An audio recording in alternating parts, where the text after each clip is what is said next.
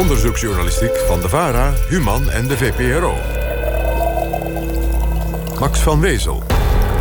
Goedemiddag, welkom bij Argos, uw wekelijkse onderzoeksprogramma op NPO Radio 1.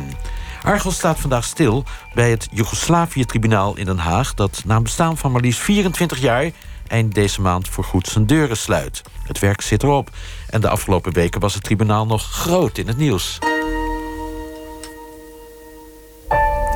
Levenslang voor de Bosnisch-Servische oud-generaal Radko Mladic.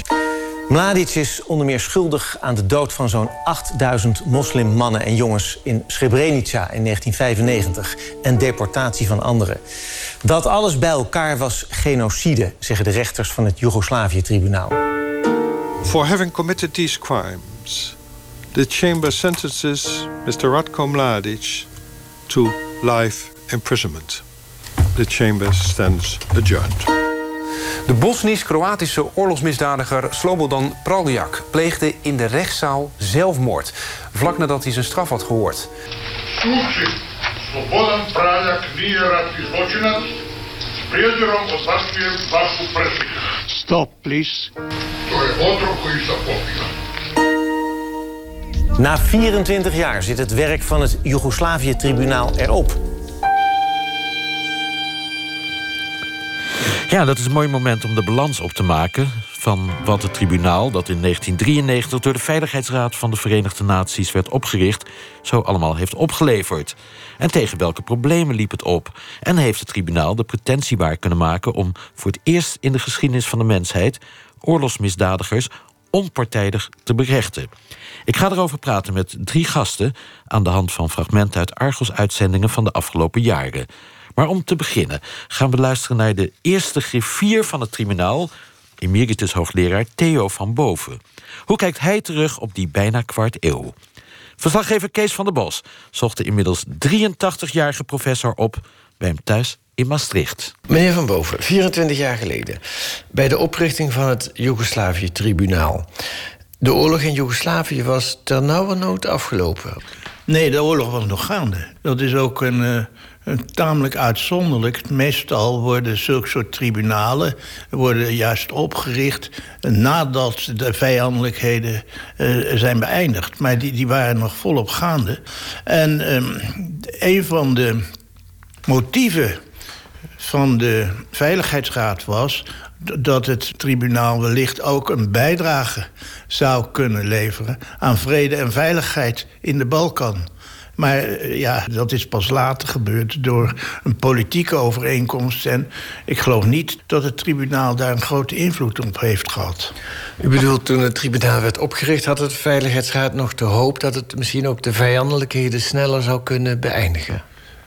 Ja, dat was de hoop. En tevens was de hoop dat het, uh, dat was ook een van de doelstellingen, zoals de Veiligheidsraad dat heeft geformuleerd, dat het een werking zou hebben ter preventie van verdere misdrijven. Bijvoorbeeld, in Joegoslavië? In Joegoslavië, ja, in Joegoslavië.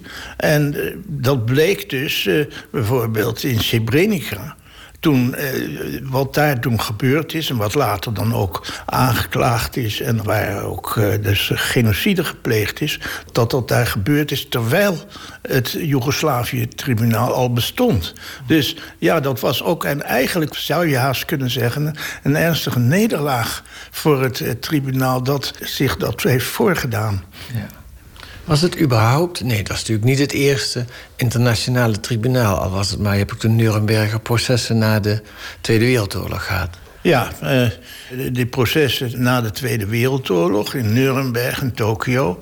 dat waren toch ook uh, zeg maar de overwinnaars uh, die toen vonden... En, dat recht moest worden gedaan... en dat wat er gebeurd was in de oorlogstijd niet straffeloos kon blijven. Maar het was toch zo dat alleen de misdadigers aan de verliezende partijen... dat die daar berecht zijn. Terug naar het Joegoslavisch-tribunaal, die oprichting. Hoe werd u er in het begin en op welke manier, wat herinnert u zich daar nog van, bij betrokken? Ja, uh, ik uh, ben dus voor die functie van griffier voorgedragen door Nederland. Je moest allerlei dingen nog gaan regelen. Bijvoorbeeld ook de hele kwestie van de detentie van eh, verdachten en aangeklaagden. We moesten ook eh, zorgen dat eh, de financiën op orde kwamen. Maar ook, ja, futiele dingen, zoals, of misschien ook niet futiel, zoals toga's. Wat voor soort toga's moeten ze dragen? En, en, al dit soort zaken. Was u trots op het Joegoslavië-tribunaal dat het er kwam? Nou ja, ik heb daar altijd achter gestaan, ook in die tijd dat ik daar werkte. Men had toch het gevoel, we zijn betrokken bij een zaak die nieuwe openingen schept, nieuwe ontwikkelingen bevordert. En ook het internationaal strafrecht verder helpt. En die ook in feite een rol heeft gespeeld bij de oprichting van een permanent internationaal strafhof. Ja, want die verwachtingen lagen er aan ten grondslag. Dat oorlogsmisdadigers wellicht ooit moesten vrezen voor een straf. Ja, dat was in feite het grote belang dat aan het systeem van wat dan heet impunity, strafloosheid, dat daar een eind aan zou komen. En dat inderdaad mensen die in machtsposities verkeren en betrokken zijn bij ernstige oorlogsmisdrijven en misdrijven tegen de menselijkheid, dat die zouden moeten vrezen dat zij daar ter verantwoording zouden worden geroepen. En dat besef dat je aan die ontwikkeling een bijdrage levert. Eh, dat was belangrijk. Die verwachting was vrij hoog gespannen toen het Joegoslavië-tribunaal begon. Nu, 24 jaar later, het gaat sluiten over een paar weken. Als u terugkijkt, heeft het aan die verwachting voldaan? Er zijn natuurlijk plus- en minpunten. Maar ik vind dat de pluspunten wel overheersen. Dat er dus toch een aanzienlijk aantal mensen zijn berecht. Ik las nog laatst eens even een paar aantekeningen die ik voor mezelf had gemaakt. Zo'n twintig jaar geleden. En toen werd er mij gevraagd: hoe verwacht je hoeveel mensen daar berecht zullen worden? Toen heb ik opgeschreven: nou, het zijn er misschien hooglijk enkele tientallen, maar geen honderden. Nou, het zijn toch ongeveer ja, 160 mensen uh, zijn berecht. En ook uh, de ontwikkeling van het internationale strafrecht, uh, dat heeft het toch een grote stimulans gekregen. Nog meer pluspunten? Wat dus belangrijk, interessant is en, en ook heel belangrijk is... dat bijvoorbeeld misbruik van vrouwen of geweld tegen vrouwen die in oorlogstijd zijn uh, verkracht en vernederd, dat die ook als internationale oorlogsmisdrijven zijn erkend. Dat is nieuw. Dat was nieuw. Als we nemen bijvoorbeeld het Tokio tribunaal, daar had je dus al die seksslavinnen, die zijn nooit daar aan de orde geweest. Gaan we naar de minpunten. Dat is er niet goed gegaan. Het is wel eens zo geweest dat men het uh, Joegoslavië-tribunaal vooral heeft gezien als een instrument van de Amerikanen. Ja, klopt dat? Dat klopt wel, uh, in die zin dat. Uh, vooral in de beginperiode kwamen ineens. En de griffier wist daar eigenlijk ook niks van, wat er aan de hand was. Heel gek, dat er ineens in het bureau van de aanklagers kwamen ineens een grote groep Amerikanen te werken. En dat waren wel bekwame mensen hoor. Daar wil ik niet op afdingen. Dat waren mensen met een grote ervaring en, en kennis. Maar uh, het dreigde daardoor te veel in handen te komen van één uh, mogendheid. En het is ook wel eens door velen ervaren als dat het uh, zich eenzijdig anti-Servisch zou opstellen. In Servië zelf wordt het eigenlijk gezien als een overwinnaarstribunaal. De Amerikanen berechten de Serviërs. Ja, zo wordt dat gezien. En... Laat ik het nog één keer anders vragen. Was het Joegoslavië-tribunaal onpartijdig genoeg? Ik denk over het geheel genomen uh, wel. Ik geloof toch dat men de onpartijdigheid en onafhankelijkheid van de rechtspraak ook in dit instituut zoveel mogelijk hoog heeft uh, willen houden. En, en er is, in, naar uw opinie, zoals u naar kijkt, niet sprake geweest van te veel invloed van bijvoorbeeld Amerika of van een ander land? Nou ja, er is veel invloed geweest van Amerika. Maar ik zou niet willen beweren dat dit instituut door partijdigheid is gedisqualificeerd. Dat zou ik niet willen onderstrepen. Zij, de allereerste griffier van het Joegoslavië-tribunaal... Theo van Boven, die de pluspunten vindt overheersen, het een niet-partijdig tribunaal noemt, al hadden de Amerikanen wel veel invloed. Onze vraag vandaag: hoe onafhankelijk was het Joegoslavië-tribunaal alles bij elkaar nou eigenlijk? Wat betekende het dat het tribunaal voor de opsporing van misdadigers en het verzamelen van bewijsmateriaal afhankelijk was van landen als Amerika. En daarover ga ik praten met drie gasten. Hier aan tafel met Nena Tromp, oud-medewerker van het tribunaal. Welkom, mevrouw Tromp. Hoe lang heeft u voor het tribunaal gewerkt? Uh, twaalf en een half jaar. En daarna heeft u ook op wetenschappelijk niveau van alles meegedaan, hè? Uh, ja, ik begon eigenlijk aan het tribunaal te werken... Uh, door aanmoediging van Theo van Bowen. dat was in 1994 dat ik de eerste keer een telefoontje pleegde toen ik nog in Amsterdam werkte aan het Oost-Europa-instituut destijds. En ik was niet bereid om naar het tribunaal te gaan werken, maar ik heb uh, uh, heel lang eigenlijk met talent, talentvolle studenten doorverwezen naar Den Haag, omdat er heel veel grote behoefte was aan know-how, aan bekwame mensen die talen spraken en alles over um, oorlog konden onderzoeken. En pas in 2000, toen professor Van Boven niet meer daar werkte, heb ik besloten om zelf naar, voor het tribunaal te gaan werken. En een van de redenen was natuurlijk dat in mei 1999 Slobodan Milosevic, destijds president van Joegoslavië, niet van Servië, mm aangeklaagd werd. En daar heeft u ook een proefschrift over geschreven, ja, daarna, over dat proces tegen ja, Milosevic. Ja, ja, ja. Naast u Thomas Vervoes, journalist, uh, lang gewerkt voor het ANP... maar nog veel langer het tribunaal gevolgd, hè? Ik heb uh, inderdaad het uh, tribunaal voor de ANP gevolgd... vanaf het prille begin, toen de speciale VN-cellen in Scheveningen nog leeg waren... en nog geen processen waren. Ik heb het eerste proces gevolgd tegen, tegen Dusan Tadic... waar zijn Nederlandse advocaat Vladimirov de vraag aan de orde heeft gesteld... mag de Veiligheidsraad überhaupt zo'n tribunaal oprichten? Ik heb Kirstic gevolgd. Het proces leidde tot de eerste veroordeling wegens genocide na de val van Srebrenica. En ik heb net als Lena eh, meer dan vier jaar aan het Milosevic-proces gewerkt. Tot 2014 voor het ANP heb ik dus het tribunaal gevolgd en nu voor Journalists for Justice. Dat is een project van de International Commission of Jurists... dat in Afrika begrip eh, over internationale strafrechtspleging probeert te bevorderen... in de landen waar het internationaal strafhof zich mee bezighoudt. Goed, twee echte kenners dus, van binnenuit. U kunt ze trouwens ook zien als u wilt... via NPO Radio 1.nl, via de webcam. En vanuit Hoorn doet mee Harmen van der Wild... hoogleraar internationaal strafrecht aan de Universiteit van Amsterdam. U kon niet naar Hilversum komen, maar blij dat we toch op deze manier contact hebben. Tenminste, hoop ik. Ja hoor, ja. ik ben er. Geweldig. Welkom ook. Uh, we hoorden daarnet The Theo van Boven, een van de pioniers dus van het tri tribunaal, zeggen van de pluspunten overheersen. Al heb ik hier en daar twijfels of dingen anders hadden gemoeten. Die, die vraag wou ik u ook graag stellen. Uh, gewoon even als kort rondje vooraf. Mevrouw Tromp, wat is uw eindoordeel over het tribunaal?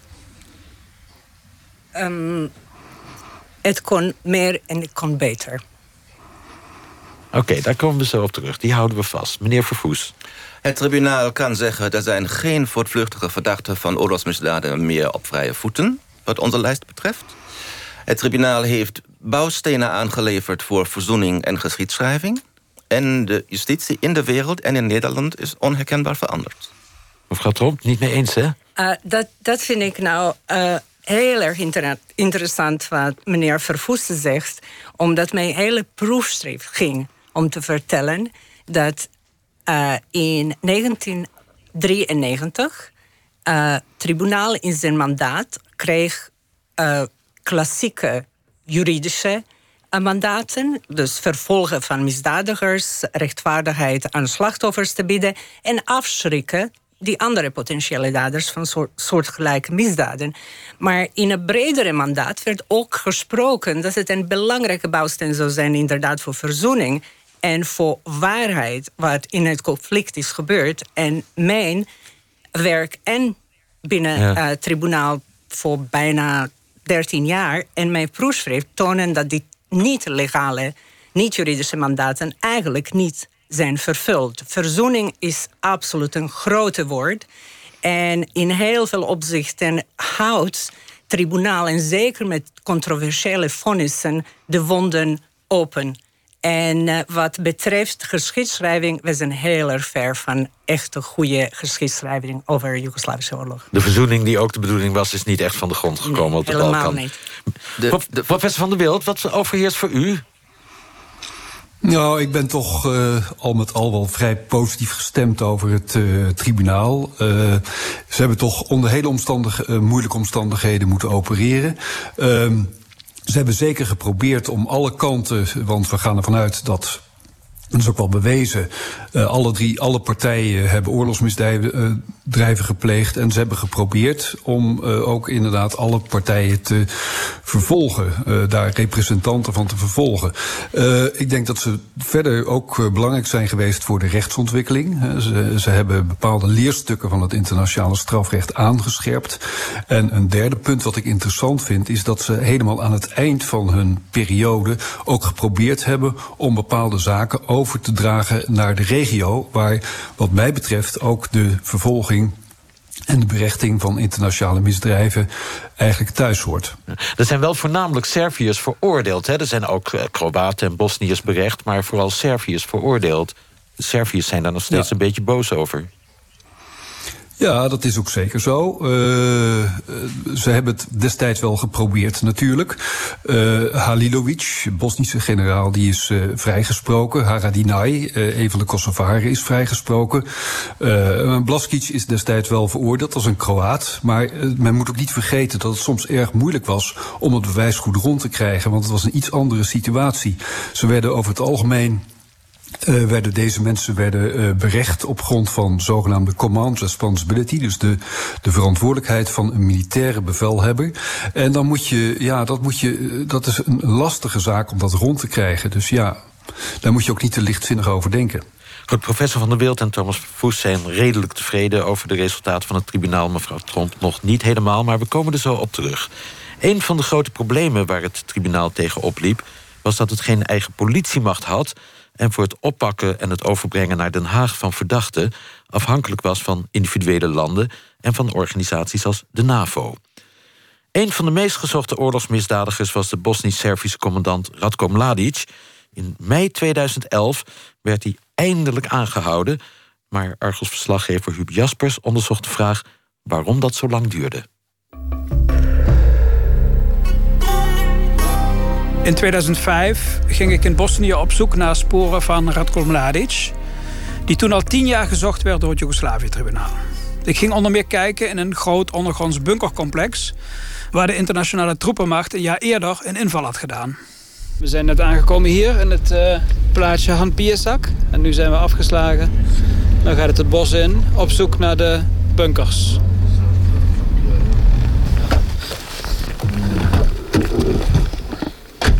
De ingang lijkt, uh, lijkt een soort mijn.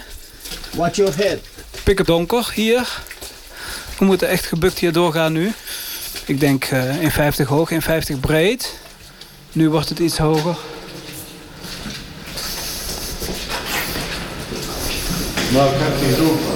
Hier zien we rechts een aftakking waar ineens de ingang is dichtgemetseld. En uh, de ruimtes in deze bunker die zijn uh, inmiddels uh, helemaal leeggehaald. Hè? Dus bijvoorbeeld de slaapkamers, de bedden die zijn eruit gehaald. Of de badkamer, dat is allemaal niet als zodanig meer te herkennen. Dat is allemaal opgeruimd. My name is Bridget Rose, Lieutenant Colonel Bridget Rose... from the headquarters at U4 in Butmir Camp in Sarajevo. Ik ben luitenant-kolonel Bridget Rose... van het hoofdkwartier van EUFOR in Butmir bij Sarajevo. Following the tunnel straight down, you come to an enormous door. And that is the entrance to the main bunker itself. Als je deze tunnel doorloopt, kom je bij een enorme deur. Dat is de ingang naar de hoofdbunker. Off those corridors are rooms, bunk beds, with beds actually made up in them. Naast die lange gang liggen tal van kamers, een aantal daarvan met stapelbedden, opgemaakt en klaar voor gebruik. Er zijn ook zitkamers met comfortabele leren stoelen en lange mahoniehouten tafels. Een goed functionerend telefoonsysteem, cryptoapparatuur, een ruimte vol met kaarten. En natuurlijk ook een kamer voor de generaal zelf. Probably um, up to 100 people could live down there. And um, it looked like there was food supplies there for up to six months. Misschien wel honderd mensen konden in dat complex leven. Er waren levensmiddelen voorradig voor zo'n zes maanden. Ik sprak toen in 2005 ook met de commandant van de internationale troepenmacht in Sarajevo, de Britse generaal David Leakey. In June last year, there was intelligence on which uh, SFOR did act, and they raided uh, the bunker uh, at Han Pirsak. Vorig jaar juni waren er inlichtingen op grond waarvan SFOR actie ondernam. Er werd een inval gedaan in de bunker in Han Piesak. I won't tell you by how much time they missed Mladic, but he wasn't there. Ik zal u niet vertellen hoeveel het scheelde, maar feit is dat Mladic er niet was. There was plenty of evidence that they uh, had only just missed him. He was there in June last year. He was there in Hampiersack in June last year. Er waren tal van bewijzen dat ze hem op het nippertje hebben gemist. We weten zeker dat hij in juni 2004 in Han Pierzak was. Which was a, uh, uh, a reputed haunt of Mladic, which he'd been using for a number of years since the war. Het vermoeden bestond dat Mladic dit complex jarenlang regelmatig gebruikte als verblijfplaats. Hoe kon dat nou dat Mladic net ontsnapt was? Had hij misschien een tip gekregen? En waarom ging de troepenmacht eigenlijk pas in 2004 kijken in dit complex? Tijdens de oorlog al was het immers het hoofdkwartier van Mladic. Een merkwaardig verhaal. Dat nog merkwaardiger werd toen ik enkele jaren later in contact kwam met de Amerikaanse historicus professor Charles Ingrayo. Die had een groot onderzoek gedaan naar de oorlog in Bosnië en onder meer gesproken met medewerkers van de Amerikaanse inlichtingendiensten. A member of the US intelligence community mentioned that during the first half of 1996 there was a US military team that shadowed Ratko Mladic in the area around Han Piasak. Een persoon uit het circuit van de Amerikaanse inlichtingendiensten vertelde dat een speciaal team van het Amerikaanse leger Radko Mladic in Bosnië schaduwde. Dat gebeurde in 1996 in de buurt van Han Piasak. De Amerikanen observeerden Mladic dus al in 1996 bij die bunker in Han Piasak. Ze pakten hem niet op, terwijl ze officieel op zoek naar hem waren en zelfs 5 miljoen dollar op zijn hoofd hadden gezet. The United States did not want to admit that it would not go after war criminals after these horrible crimes. De Verenigde Staten wilden niet toegeven dat zij niet achter de oorlogsmisdadigers aan wilden gaan nadat deze verschrikkelijke wandaden waren begaan. Men wilde mensen als Mladic gewoon niet oppakken. Are you saying that the US government was lying about this in, in, in The US days? government was lying about this, yes. De Amerikaanse regering loog hierover. Ja.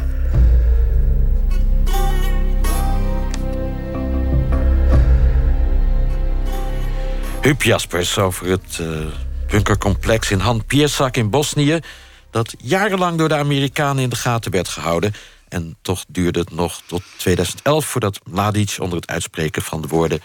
ik ben de man die u al jarenlang zoekt, werd aangehouden. Ik ga terug hier naar tafel in Hilversum en naar professor van Wild in Hoorn. U kunt hem trouwens inmiddels ook zien op NPO Radio 1.nl. De techniek staat voor niets. Mevrouw Tromp, u werkte als medewerker bij het bureau van de aanklager van het Joegoslavië-tribunaal. Ehm, waren u en uw collega's daar niet enorm gefrustreerd dat het zo lang duurde voordat Mladic werd opgepakt? Eh, niet, ik, ik, geloof niet dat we gefrustreerd waren. Maar ik herinner me heel erg goed toen Milosevic doodging. En eh, eh, die aandacht eh, voor het tribunaal van buitenaf verslapte. Ook door die grote financierders, maar ook door het publiek waarvoor je dat doet. Je doet dat voor de hele wereld. En dat toen heel erg Er was duidelijk... een tijdje een stemming van het wordt niks met dat tribunaal... de grote vissen krijgen ze niet te pakken. Precies, en toen hadden we had het tribunaal Milosevic en hij ging dood in 2006 voordat zijn eh, rechtszaak eh, af was. En dat, dat was een eh, grote diepte in het tribunaal. En wat toen gebeurd is. Dat was 2006? 2006. En ik herinner me heel erg goed dat wij tijdens vergaderingen en zo, dat, dat het idee was, we kunnen niet vertrouwen op individuele staten, zeker niet Servië, zeker niet Bosnië en zeker niet grootmachten. Eh, en wij moeten zelf eh, van binnen het tribunaal onderzoeksteams hebben. Omdat, zoals eerder gezegd werd, het tribunaal heeft geen law enforcement, geen politiemacht. Geen die- politiemacht, Ja, geen leger. Geen leger, Geen eigen niks. militie. Maar wat wij toen hebben gedaan, dat het een heel operatief eh, werd gewerkt aan eh, verzamelen van alle belangrijke informaties en die dan in vorm van verslagen aan iedereen geven. Dit soort van verhaal van uh, uw journalist was een van de verhalen. Hij was daar en jullie hebben niks gedaan. En wij hebben vanuit. Um... Hadden jullie het gevoel dat er onwil was van de internationale gemeenschap om de echte grote vissen op te pakken? Ik, ik weet niet hoe je dat zou kunnen omschrijven, maar dat was heel erg duidelijk dat twee grootste en belangrijkste uh, mis, uh, vermeende misdadigers op vlucht. Uh, Radovan Karadzic en Radko Mladic zeker in de regio verblijven. En dat is heel erg moeilijk dan te accepteren dan nog Servische en nog internationale uh, politiemachten en militairen hun konden vinden. De regio is niet zo groot. En dat was de reden waarom het van binnen uh, aanklager ook heel veel werd gedaan. Thomas Vervoes, heeft u die periode na 2006, na de dood van Milosevic... ook als een soort van dieptepunt, als een soort impasse in dat Joegoslavië-tribunaal ervaren? Nee, helemaal niet. Het tribunaal was goed op gang. Ik weet nog, in de beginjaren van het tribunaal... hebben sommige rechters zich afgevraagd... zullen wij hier ooit processen hebben? Uh, en er waren toch op het tijdstip van de dood van Milosevic successen geboekt. Een veroordeling wegens genocide na de val van Srebrenica. En Milosevic is tenminste berecht. En misdaden zijn gedocumenteerd, ook als er geen juridisch eindoordeel is. Natuurlijk was de stemming eerst even slechter uh, na de dood van Milosevic... maar het tribunaal is dan weer uh, goed op de rails gekomen. En heeft u wel eens gedacht van hoe kan het nou dat ze uh, Mladic en Karadzic niet te pakken krijgen... zoals mevrouw Tromp zegt, de regio is niet zo groot. Het heeft mij niet verbaasd. We moeten niet vergeten dat um, de internationale gemeenschap uh, aan Bosnië... meer dan drie jaar lang een enorm hoofdpijndossier heeft gehad. Een oorlog midden in Europa met 100.000 doden. Terwijl we toch dachten dat na de Tweede Wereldoorlog... in ons werelddeel, in ons continent geen oorlogen meer worden gevoerd. Met grote moeite heeft men die oorlog weten te beëindigen... door NAVO-bombardementen op de Bosnische Serviërs... en door de onderhandelingen in Dayton. Dan was er een internationale vredesmacht in Bosnië... en die probeerde natuurlijk, koste wat het kost... onlusten te voorkomen. Ik denk dat men in de eerste tijd na de oorlog... Niet, geen serieuze pogingen tot arrestatie heeft gedaan... omdat men bang was voor onlusten. Men dacht dat het olie op het vuur zou gooien. Precies, ja. Op een gegeven moment hebben de Britten dan die houding uh, veranderd... en zijn tot arrestaties overgegaan. En ja, dan ook de Nederlanders. En er is namelijk ook wel eens gesuggereerd in die tijd... Uh, Mladic weet gewoon te veel, Karadzic weet te veel. Ze weten te veel over wat er achter de schermen bij Srebrenica is gebeurd... en vooral niet is gebeurd. Dat is een reden om ze niet aan te houden. Dat is ook een interessante complottheorie, inderdaad, ja. Maar u vindt dat een complottheorie? Uh, ik heb die kwestie niet uh, onderzocht. Professor van der Wild, hoe zat het eigenlijk met die afhankelijkheid van het tribunaal van, uh, van landen als de Verenigde Staten en van Engeland? Nou ja, Kijk, uh, de NAVO die heeft op een gegeven moment uh, daar troepen gestationeerd. En uh, die waren natuurlijk ook, die hadden op een bepaalde manier wel een mandaat om oorlogsmisdadigers te, op te pakken. Maar daarna is de NAVO natuurlijk ook betrokken geweest bij uh, bombardementen. Een dramatische uh, gebeurtenis was natuurlijk de, het bombardement op het radiostation in Belgrado. En ik ben daar in 2009 geweest en dat wordt nog altijd gekoesterd hè, als een soort van, van, van, van monument. Dat, kijk, kijk eens wat hier gebeurd is. En dat is destijds, is dat, men, men heeft erop aangedrongen dat het Joegoslavië-tribunaal dat ook zou onderzoeken. Want er was natuurlijk wel, dat, was, dat, dat zou je misschien ook als een oorlogsmisdaad kunnen uh, betitelen. En daarvan heeft de toenmalige uh, prosecutor Carla Del Ponte gezegd van nou, er is toch te weinig bewijsmateriaal voor. Dus ja, daar is wel veel kritiek over geweest. Thomas Vervoes, is die kritiek terecht? Had de NAVO ook voor de rechter gesleept moeten worden? De kritiek van professor Van der Wild is zeker terecht. Er is een perceptie dat het Joegoslavië-tribunaal het niet heeft aangedurfd... ook de NAVO aan te pakken omdat het Joegoslavië-tribunaal um, afhankelijk is van NAVO-landen voor arrestaties. Uh, er was dus het bombardement van het uh, tv-station in Belgrado. Er was ook een incident waarbij uh, NAVO-vliegtuigen kerkgangers hebben gebombardeerd... die net een kerk verlieten en over een brug liepen. Daarbij zijn gewonden gevallen. er kwamen mensen te hulp schieten. Dan hebben de vliegtuigen nog een keer aangevallen. Als we naar deze berichten kijken, lijkt het erop dat er een oorlogsmisdaad is gepleegd. Ook is die nog niet in een rechtszaak Dus wat dat betreft was, hebben de Serviërs een beetje een punt... het was een eenzijdig tribunaal. De NAVO heeft niet doorgezet. Mevrouw Tromp? Nou, eh, Servië heeft vanaf het begin altijd gezegd dat is een anti-Servische institutie. Maar als je ziet wat voor uitkomst van vonnissen van tribunaal is, ze gaan meest in het voordeel van Servische individuele uh, aangeklaagden sommige misdadigers. Uh, en dat beeld klopt niet. En wat professor Van der Wild zegt over radiostation, tv-station was het eigenlijk. Milosevic heeft dat, Slobodan Milosevic heeft dat heel vaak gebruikt als uh, punt voor verdediging tijdens zijn uh, rechtszaak. Maar wat hier belangrijk is, dat alle uh, inlichtingen zeggen dat NAVO heeft gewaarschuwd dat dit soort van gebied, dat het, dat gebied zou aangevallen worden. En dat Slobodan Milosevic en zijn regering eigenlijk met opzet dat niet had doorgegeven aan de mensen in tv-radiostation. En nu familieleden voeren een proces tegen de Servische regering om hen in uh, fout te zetten. U luistert naar Argos, naar een gesprek over het Joegoslavië-tribunaal... dat deze maand stopt met zijn werk. Te gast zijn Thomas Vervoes, journalist die het tribunaal volgde... Lena Tromp, oud-medewerker van het tribunaal... en hoogleraar internationaal strafrecht in Amsterdam, Harmen van der Wild. Het Joegoslavië-tribunaal was bij het verzamelen van bewijsmateriaal... ook afhankelijk van de medewerking van Servië. We hadden het er al even over. Bijvoorbeeld in het proces tegen Milosevic... Nou, dat leidde wel eens tot vreemde situaties. Von van der Biesen advocaat van Bosnië-Herzegovina... in een zaak die speelde bij het internationale gerechtshof. Bosnië wilde schadevergoeding van Servië... en daarvoor was het belangrijk om aan te tonen dat Belgrado wist... wat het Bosnisch-Servische leger uitvoerde. Er was een oorlogskabinet in de Servische hoofdstad... de Supreme Defense Council geheten...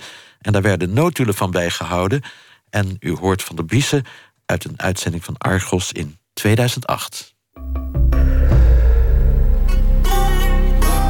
Gegeven moment werd bekend dat er van de vergaderingen van de Supreme Defense Council, dat was eigenlijk het hoogste orgaan van Belgrado, waar alle besluiten die met de internationale politiek en de oorlog te maken hadden, werden genomen. Daar zat de president in, de leiding van het leger en uh, de hoogste leiders uh, van het land, zeg maar.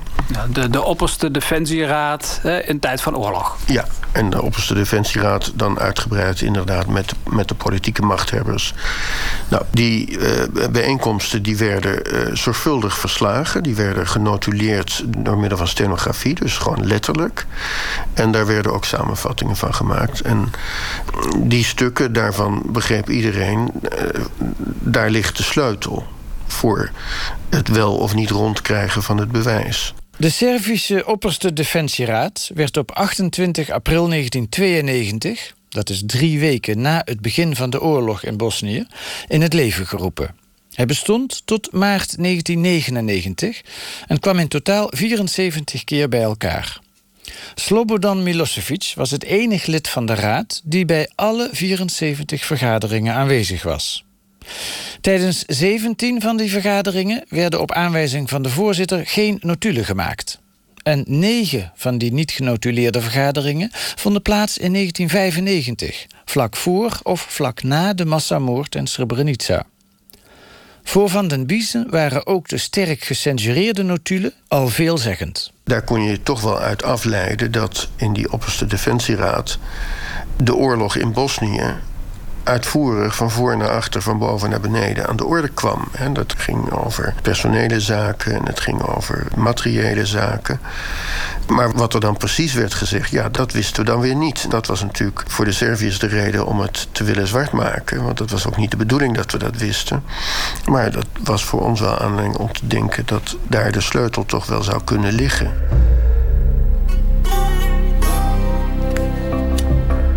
Advocaat van Van der Biesen die graag de notulen van de Supreme Defense Council in Belgrado had ingezien, maar ja, die dus niet kreeg. Lene Tromp, u was een van de medewerkers van het tribunaal die de ongecensureerde notulen van die Supreme Defense Council in Belgrado wel heeft ingezien, hè? Ja, wat dan al aan ons uh, gegeven werd, maar het één deel waar het stond, notulen werden niet gemaakt, hebben wij ook nooit kunnen zien, al denken wij dat zij toch bestaan. Wat is het verschil, denkt u, tussen de ongecensureerde en de gecensureerde versie van die notulen? Um, verschil is denk ik groot. En um, als wij. Um, Eén ding is heel erg belangrijk. Toen wij Milosevic-zaken hebben gehouden en die uh, gecensureerde, hebben we wel gezien. En rechters hebben dat wel gezien. Uh, en die waren interessant en complementair met wat open voor publiek ook was. Maar wat heel frappant was, dat helft van zittingen in 95 nooit aan ons werden gegeven. En als je in een strafproces werkt, het is heel erg belangrijk natuurlijk als alles zwart op wit te krijgen, en zeker documenten en audio's. Maar als onderzoeker ga je altijd je afvragen waarom zijn er een paar dingen niet aan ons doorgegeven. En in het strafrechtelijk proces denk je altijd over uh, criminele bedoelingen. Kijk, als in 1995 in alles zo in orde was, vanuit Belgrado naar Bosnië en Srebrenica toe, konden ze dat wel aan ons geven. Maar dat hebben ze nooit gedaan. Ja, want dat wilde je weten natuurlijk. Wat wist Belgrado? Ja.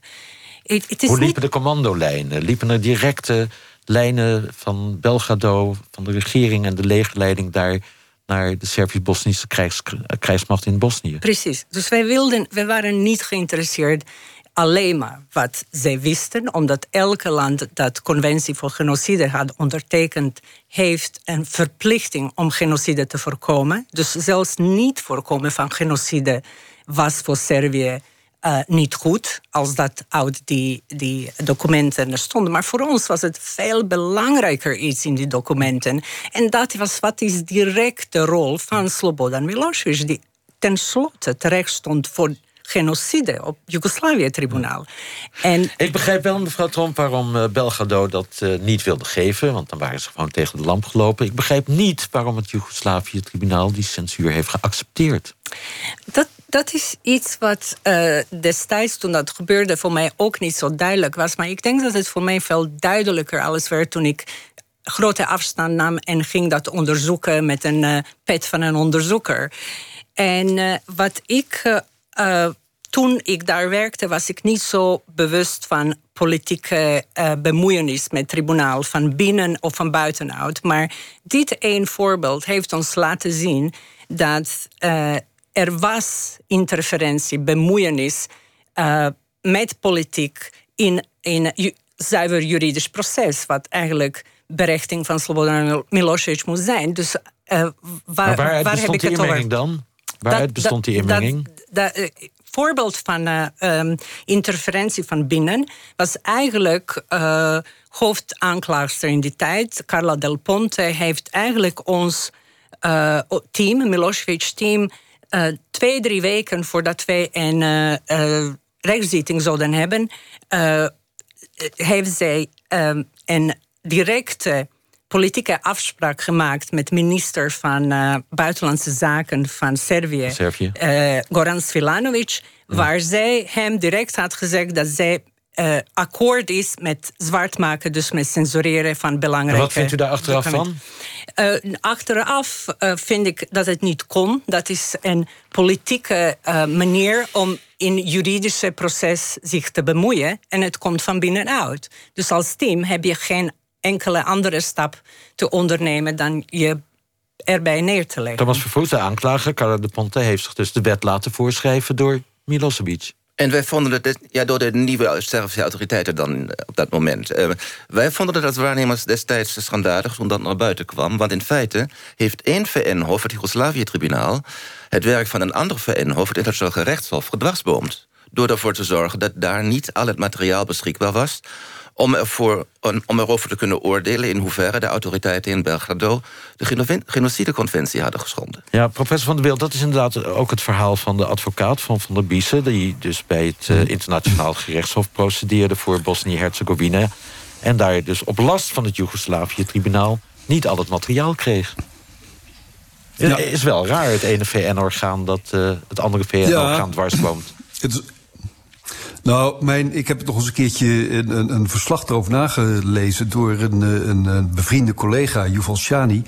En die zegt van ja, het is toch een, soort, een vorm van koehandel geweest. Uh, het, het, was een voorwaarde dat, je, uh, dat ze zeiden van ja, dat, dat, dat gaan, we, gaan jullie niet doorgeven. Want hier liepen twee procedures. Aan de ene kant was het een strafrechtelijke procedure. Die gaat puur over de individuele aansprakelijkheid van Milosevic. En die andere gaat over staatsaansprakelijkheid. Nou, als dat op een of andere manier. De, de Servië heeft destijds gezegd van ja, dat, uh, dat, dat uh, is allemaal classified. Hè, dat is allemaal geheime informatie en staatsgeheimen. Want daarmee zou inderdaad die directe betrokkenheid van Servië wel uh, aangetoond kunnen worden. Maar Shani zegt daar ook over, en dat is denk ik wel erg interessant.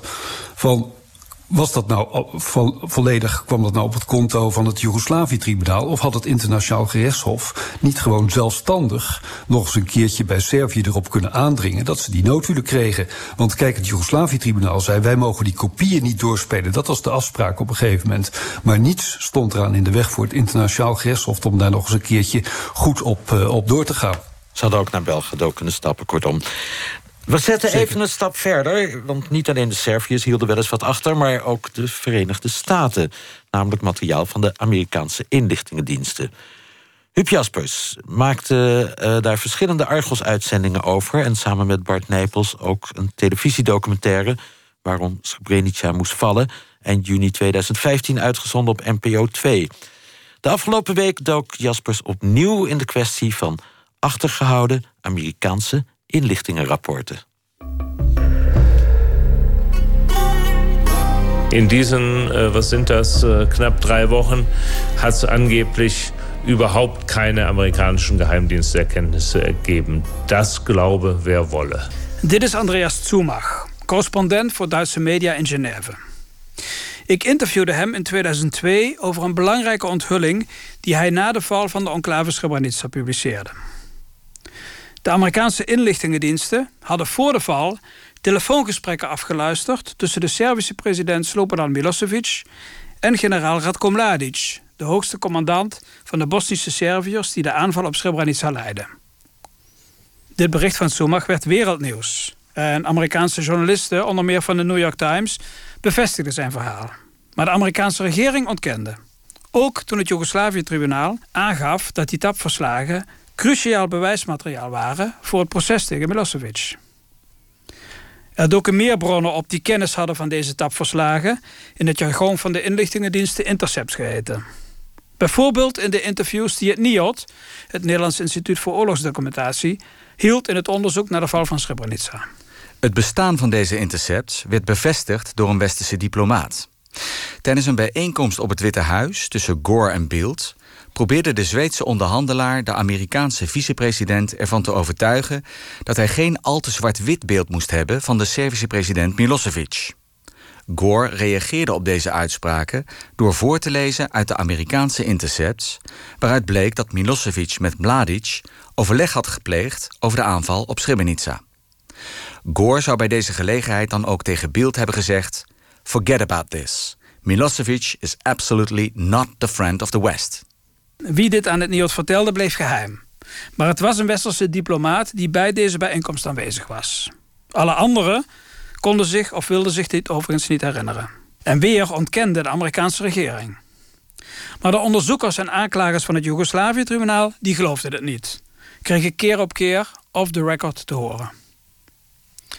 Deze week was de Britse professor Geoffrey Nice voor een lezing in Amsterdam. Nice werkte tot 2006 bij het Joegoslavië-tribunaal. Hij was de aanklager in het proces tegen Slobodan Milosevic. In de wandelgangen kon ik Nice interviewen. Ik vroeg hem naar de Amerikaanse intercepts. Do we believe, do I believe, that there was material available from Western intelligence services that would have been extremely important on the issue of what Milosevic thought and said, particularly at the time of Srebrenica, but maybe more broadly. I do think that. Of ik geloof dat er bewijs van westerse inlichtingendiensten werd achtergehouden? Bewijs dat extreem belangrijk zou zijn geweest voor de vraag wat Milosevic heeft gezegd ten tijde van Srebrenica? Ja, daar ben ik van overtuigd. Was that evidence withheld from us? It certainly was. Why? Well, not because people had some real um, uh, good reason concerning justice for doing so, but because they must have had a political reason from holding that evidence back. Werd dit bewijs achtergehouden voor het tribunaal? Ja. Waarom? Niet omwille van de rechtspraak. Nee, kennelijk hadden ze een politieke reden om dit bewijs achter te houden. And that's a matter of huge regret. It also shows the limitation of this tribunal and of these tribunals generally. Dat is zeer spijtig.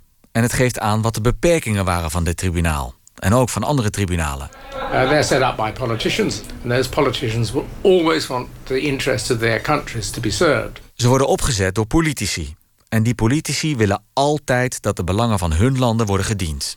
So, if revealing a bit of evidence about some horrible conflict, the Yugoslav or another conflict, would reveal the culpability of the country or even the knowledge of the country concerned that holds the intelligence information, it'll hold it back. Dus als het vrijgeven van bewijsmateriaal de verantwoordelijkheid van hun land blootlegt, of zelfs de voorkennis die ze hadden, dan zullen ze dit bewijsmateriaal achterhouden. People aren't that interested in justice where their own political interests are involved. Functionarissen zijn niet zo geïnteresseerd in gerechtigheid en waarheidsvinding als hun eigen belangen kunnen worden geschaad. The victims are not suited by that. The victims are not helped by that. And justice isn't helped by that. De slachtoffers zijn hier niet mee geholpen. En het recht is hier ook niet mee geholpen. And that we should be ensuring that uh, material is available, not hidden. We moeten er zeker van kunnen zijn dat bewijsmateriaal beschikbaar is en niet wordt achtergehouden.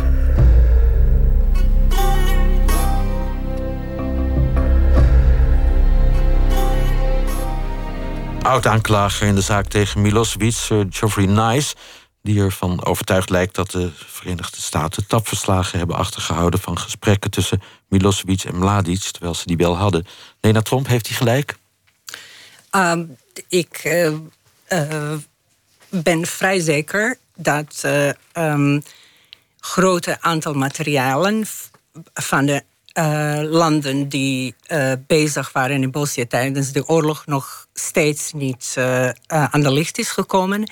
En ik denk dat Verenigde Staten niet de enige land is die hardop zo um, genoemd kunnen worden. Een van de beste beste studies hierover geschreven is studie door, geschreven door Cees Wiebes, waar hij eigenlijk zegt dat alle landen die inlichting uh, capabiliteiten hebben tijdens de oorlog eigenlijk heel veel, heel veel materiaal hebben die we nog steeds niet hebben gezien. Thomas Vervoes, we hebben in de loop van dit uur geconstateerd... er was toch wel veel afhankelijkheid van individuele staten, van de NAVO. Maar kan dat eigenlijk anders bij een internationaal tribunaal? Het verschil met een Nederlandse rechtbank is... ja, je kunt niet de politie erop afsturen. Je hebt iemand als de NAVO nodig. Kan het anders? Het zou anders kunnen. Hier zou je een internationaal straftribunaal kunnen voorstellen... dat een eigen politiemacht heeft.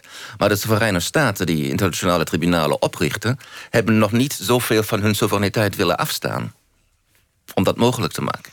Maar het is denkbaar. In theorie? In theorie, ja. Want staten zullen dat nooit doen natuurlijk. De tijd is er nog niet rijp voor. Maar zoals ik in het begin zei, de wereld is onherkenbaar veranderd. Uh, als we terugdenken aan het laatste decennium voor de oprichting van het tribunaal... bijvoorbeeld toen de dictator van uh, Haiti, Baby Doc, werd afgezet... en in uh, Frankrijk zijn veilig heenkomen, een veilig heenkomen zocht... werd de toenmalige premier Fabius door mensenrechtengroepen bekritiseerd... dat hij daar in Frankrijk mocht blijven... terwijl hij van gruwelijke misdaden tegen de eigen bevolking werd beschuldigd.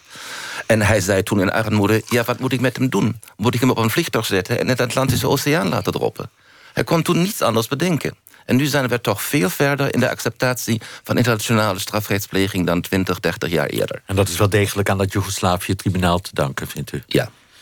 Professor van der Wild, we begonnen een beetje deze discussie met mooi oorlogsmisdadigers aangepakt. Maar een ander doel van dat tribunaal, namelijk verzoening op de Balkan, verzoening in de regio, is totaal achterwege gebleven. Er, er zijn nog steeds Karadzic kleuterscholen in uh, de Republiek Serbska en uh, bruggen naar hem genoemd. Er komt misschien een Mladic-monument binnenkort daar. Uh, wat zou er bij een volgend internationaal tribunaal beter kunnen en beter moeten om ook dat doel van verzoening te bereiken? Uh, ik vraag me af of verzoening, hoe mooi het ook klinkt... en ideaal zou dat inderdaad moeten... of dat wel een, een, een taak is van een tribunaal. Een tribunaal moet in de eerste plaats recht doen. Moet vaststellen wie schuldig is en onschuldig is. En als er allerlei uh, andere uh, doelstellingen mee worden uh, gediend, dan is dat heel erg mooi. Maar veel van die tribunalen worden natuurlijk opgezadeld met allerlei enorme verwachtingen. En dat is, een, dat is heel problematisch. En het heeft hier en daar de zaken op scherp gezet. dat, dat is een ding dat zeker is. En dat heeft, het, dat heeft niet aan bijgedragen. Maar het heeft toch wel iets aan de waarheidsvinding gedaan. Er zijn bepaalde zaken die zijn boven water gekomen komen. En ik denk dat vooral de verwachtingen niet te hoog gespannen moeten zijn. Als je nu kijkt naar het internationale strafhof ook, dat is natuurlijk vaak een bijna een onmogelijke taak. En wie staan er op het ogenblik voor het internationale strafhof terecht? Dat zijn in de eerste plaats zijn dat de rebellen. En staten zijn altijd bereid om rebellen over te dragen. Dat ligt natuurlijk voor de hand. En de, de, de straftribunalen zijn onder de curatelen van de uh, van de politiek. Dat heeft uh, Sir Geoffrey Nice ook terecht opgemerkt. En dat is iets waar je tot op zekere hoogte bij neer moet leggen. Tegelijkertijd moet je de hele tijd er wel naar streven. Kijk naar bijvoorbeeld al-Bashir, de, de, de president van Sudan. Uh, die is nog niet opgepakt. Geen enkele Afrikaanse staat heeft het aangedurfd. Uw stelling is meer zat er niet in verzoening tussen de mensen. Dat kun je gewoon van zo'n tribunaal niet verwachten. Ik, ik dank, nee, dat is niet een hoofdstelling. Ja. Ik dank u allen. Professor van der Wild in Hoorn, Nena Tromp en Thomas Vervoes hier in de studio in Hilversum. Dit was Argos. Over 24 jaar Joegoslavië-tribunaal. Straks Radar met onder meer de vraag... waarom is het moeilijk in een flat